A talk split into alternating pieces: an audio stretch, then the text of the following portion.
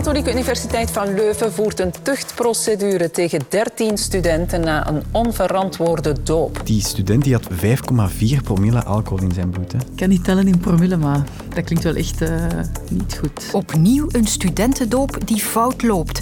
Hebben we niks geleerd uit de zaak Sandadia? De plannen van Truss hebben de Britse economie tientallen miljarden gekost. Hoe vul je zo'n gat? Hoe diep is de UK gezonken? De Limburgse vlaai, dat is toch echt een concept. En waarom verdient de Limburgse vlaai een Europese erkenning? Ik denk de vlaai die wij in Limburg hebben, ik denk niet dat ze die in de rest van het land ergens kunt vinden. Dat is ons toetje voor vandaag in het kwartier. Welkom, ik ben Sophie van der Donkt. Er is een nieuw drama vermeden, maar het was nipt. Dat zijn de woorden van Luc Sels, de rector van de KU Leuven.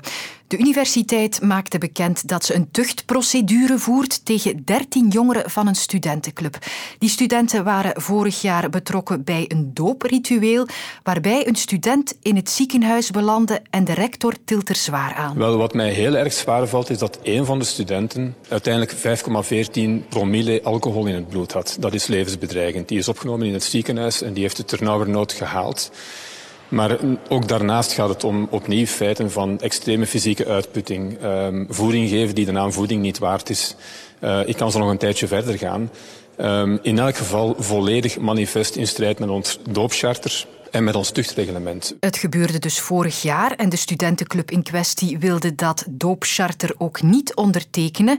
In dit concrete geval liep het uiteindelijk goed af. De student overleefde, maar het klinkt akelig als het incident in 2018 toen Sanda Dia stierf na een studentendoop. Een 20-jarige jongen uit Edegem is vandaag overleden nadat hij had deelgenomen aan een studentendoop. De jongeman had in koud water moeten zwemmen en een grote hoeveelheid visolie moeten drinken. Het was de studentenclub Reuzegom die de doop had georganiseerd. Sandadia belandde uiteindelijk onderkoeld en met een te hoog zoutgehalte in zijn bloed in het ziekenhuis, waar hij later overleed. Er komt bijkomend onderzoek naar de dood van Sandadia. De studentenclub werd ontbonden. De KU Leuven voerde een tuchtonderzoek en het gerecht startte een straf onderzoek op. En ook de rector ziet een duidelijk verband met de zaak Sandadia. Deze hele geschiedenis die valt natuurlijk bijzonder zwaar bij mij persoonlijk, ongetwijfeld ook bij de hele KU Leuven-gemeenschap. De herinnering aan Reuzegom die is levendig en uh, we tillen hier dan ook wel heel erg zwaar aan. De universiteit wil de betrokken studenten nu straffen, maar zij kunnen nog in beroep gaan tegen de sancties. En daarom kan Lux zelfs nog niet kwijt hoe die straffen er zullen uitzien. Fien Makken hier op onze redactie. Jij maakte samen met twee andere studenten vorig jaar nog een eindwerk over de wantoestanden bij eh, studentenclubs en verenigingen in Leuven. Vandaag blijkt dat er dus opnieuw een doop is geweest die bijna falikant afliep. Verbaast jou dat? Goh, verbaasd. Dat is altijd een beetje een moeilijke vraag natuurlijk. Maar we hebben toch wel gemerkt in de verhalen dat we hebben verzameld dat er heel wat dingen terugkomen. Um, eerst en vooral is er, treedt er vaak normvervaging op. Zowel langs de kant van het bestuur van de vereniging als langs de kant van de schachten, zoals die dan vaak worden genoemd. Dus vanuit traditie dat bijvoorbeeld het bestuur niet meer ziet hoe fout dat bepaalde rituelen eigenlijk geworden zijn, maar ook schachten die niet meer hun grenzen kunnen aangeven uh, en die pas achteraf hebben gemerkt van oei, dit ging eigenlijk over mijn grens of dit had ik toch liever niet toegelaten. Nu, het lijkt voor de universiteit moeilijk om vat te krijgen op die clubs. Klopt het dat die zich meer afschermen? Wat is het verschil met de verenigingen? In Leuven is het zo dat de verenigingen zijn facultair uh, gebonden. De clubs zijn vaak iets meer regio-gebonden.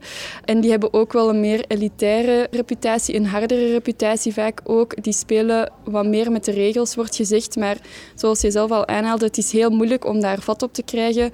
Wij hebben ook maar uh, één getuige gehad um, die mee heeft gedaan aan een schachtenwerving van de club, maar daarna is afgehaakt. Maar ook bij de verenigingen zagen wij dat er heel veel terughoudendheid en wantrouwen was.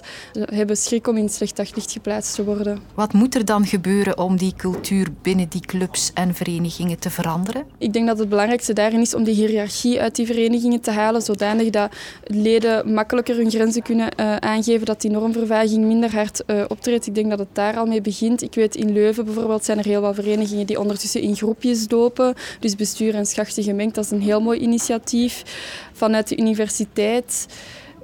Ja, ik denk dat het goed is dat er nu ook weer een, een tuchtprocedure is gevolgd en dat er wel signalen worden gegeven dat, dat zo'n gevallen serieus worden genomen, zodat de drempel om het te melden ook wel verlaagd wordt, hopelijk. dan blijf ik toch nog zitten met mijn openingsvraag. Hebben we dan niets geleerd uit wat er met Sanda Dia is gebeurd?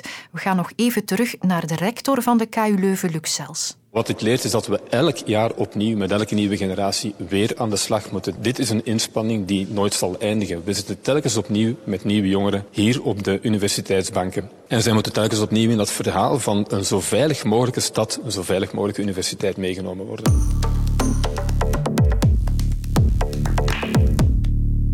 Vandaag is aan de andere kant van het kanaal de nieuwe begroting uit de doeken gedaan. En de Britten waren al klaargestoomd dat ze dat gaan voelen. Afgelopen week probeerde de nieuwe minister van Financiën Jeremy Hunt de Britten al wat voor te bereiden. I think people will notice because these are difficult decisions, but they will also see there's a plan to get through this. We are going to see everyone paying more tax. We're going to see spending cuts. Iedereen zal meer belastingen betalen en dat is moeilijk, maar we zijn een veerkrachtig land, vertelt Hunt. Al deze maatregelen moeten de economie gezonder maken, maar het wordt wel een heel zure appel om door te bijten. De brexit en de coronacrisis zijn nog niet verteerd en er waren natuurlijk ook de vele premierwissels. I do not think it would be right for me to try to be the captain that steers our country to its next destination. I am today announcing that I will resign as leader of the Conservative and Unionist Party. It is clearly now the will of the Parliamentary Conservative Party that there should be a new leader of that party and therefore a new Prime Minister. I have therefore spoken to His Majesty the King to notify him that I am resigning. Our future together is golden. Is Rishi Sunak aan zet en die zal de belastingen verhogen en de scharen zetten in de uitgaven. Onze correspondente Lia van Beckhoven ziet het maar somber in. En dat allemaal tegen een achtergrond van een recessie, van meer en meer stakingen, van een publieke sector die merkbaar aan het instorten is. Dit is echt de moeder van alle crisis. Collega Katrien van der Schoot is er komen bijzitten. Goedemiddag, Katrien. Hallo. Is het Verenigd Koninkrijk echt aan het afglijden? Ja, het gaat inderdaad niet goed. Hè? De minister zelf, Hunt, heeft net gezegd we zijn in recessie. En vooral voor de armste Britten is dat slecht nieuws. Ik heb ook al zelf eens gekeken naar de armoedecijfers, bijvoorbeeld in het plaatsje Alton bij Manchester. En die cijfers zijn ronduit bedroevend met kinderarmoede tot 64 procent. Je haalt daar een verontrustend cijfer aan, maar welke verhalen zitten daarachter? Ja, ik las bijvoorbeeld gisteren nog het verhaal over een, eh, een peuter van twee die omgekomen is door aanhoudende schimmel in zijn huis. Hij uh, woonde in een sociale woning. De vader is vaak naar die sociale woningmaatschappij gestapt, heeft geen gehoor gekregen en die kleuter is daar dus echt aan gestorven. En zo zijn er natuurlijk veel meer voorbeelden nog in uh, Engeland. Het is, het, is, het is bedroevend er is een grote sociale kloof, toch nog veel erger dan, dan in ons land. Intussen zijn er de begrotingsplannen die voorgesteld zijn. Hoe kijk jij ernaar? Gaan die op korte termijn beterschap kunnen brengen? Wel, ze zijn in elk geval beter dan het roekeloze plan van ex-premier Truss om de belastingen te verlagen. Dan zou het put in de, begroting nog, de, de put in de begroting nog veel groter zijn. Nu uh, merk je dat uh, de regering vooral de middenklasse en de rijkere Britten wil treffen, de energiebedrijven ook, en de meest kwetsbare mensen wil sparen door bijvoorbeeld energiepremies te verlengen uh, en een aantal andere maatregelen zoals minimumlonen die worden verhoogd. Dus in die zin is het wel redelijk in balans, maar het is duidelijk dat het de volgende maanden en zelfs jaren nog altijd slecht zal blijven gaan. De Britten zijn in de recessie, zullen dat ook lange tijd blijven voor er opnieuw sprake kan zijn van groei. Katrien, nog één ding. Jij bent een Limburgse toch, hè? Ja. Waarom? Wat is jouw favoriete Limburgse vlaai? Mijn favoriete Limburgse vlaai is knoebelkusvlaai. En moet ik dat ook nog eens in het Limburg zeggen? Dat kan ook, hè? Wel, ik ben opgegroeid in Hergestad en daar ging ik voor een abrikauze bij. Dus een abrikozenvlaai met lattekes, ik kan het niet anders zeggen. En voor knoebelkesvlaai en suikervlaai. Dus ik wil zeker nog eens terug naar Bakkerij Brems.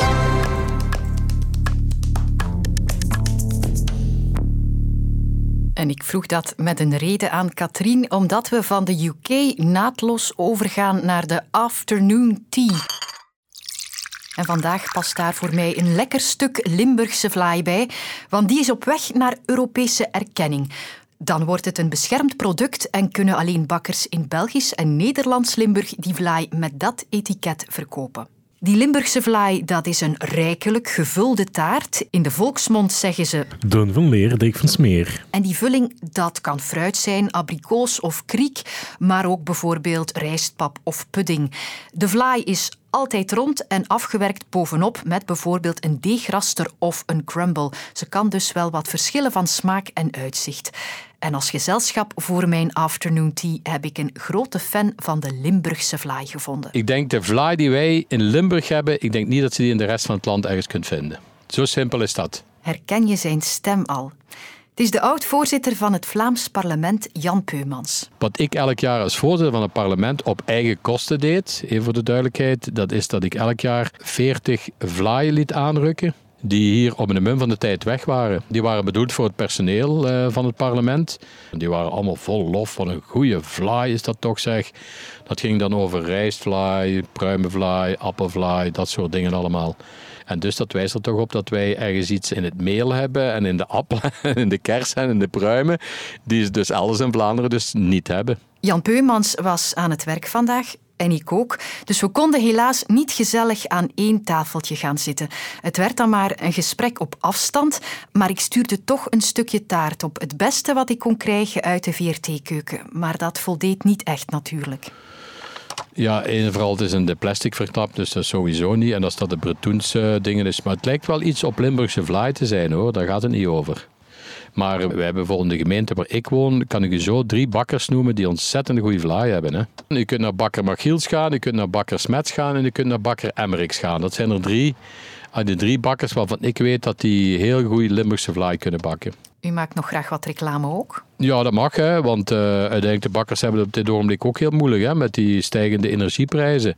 Ik heb begrepen dat minister Joop Broens, die ik juist tegen het uh, lijf liep, hè, ik noem die nu minister Vlaai, dat dat nu gaat ingediend worden bij de Europese Commissie. Daar houdt de Europese Commissie zich ook mee bezig. En als ze die erkenning krijgen, ja, dat is alleen maar een promotie voor de Limburgse Vlaai. Maar waarom verdienen ze dan die erkenning voor toch maar een vlaai? Dat is een traditie die is al zo oud als de, als de straatstenen, bij wijze van spreken.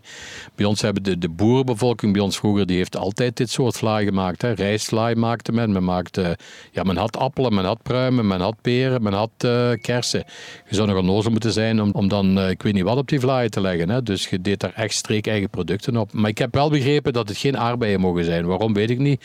Want aardbeien is ook een product van bij ons. Maar ja, waarom dat dat is, dat weet ik niet. Oké, geen aardbeien, maar voor de rest dan wel met fruit uit Limburg. De korte keten, het is een product waar u trots op bent. Zonder meer.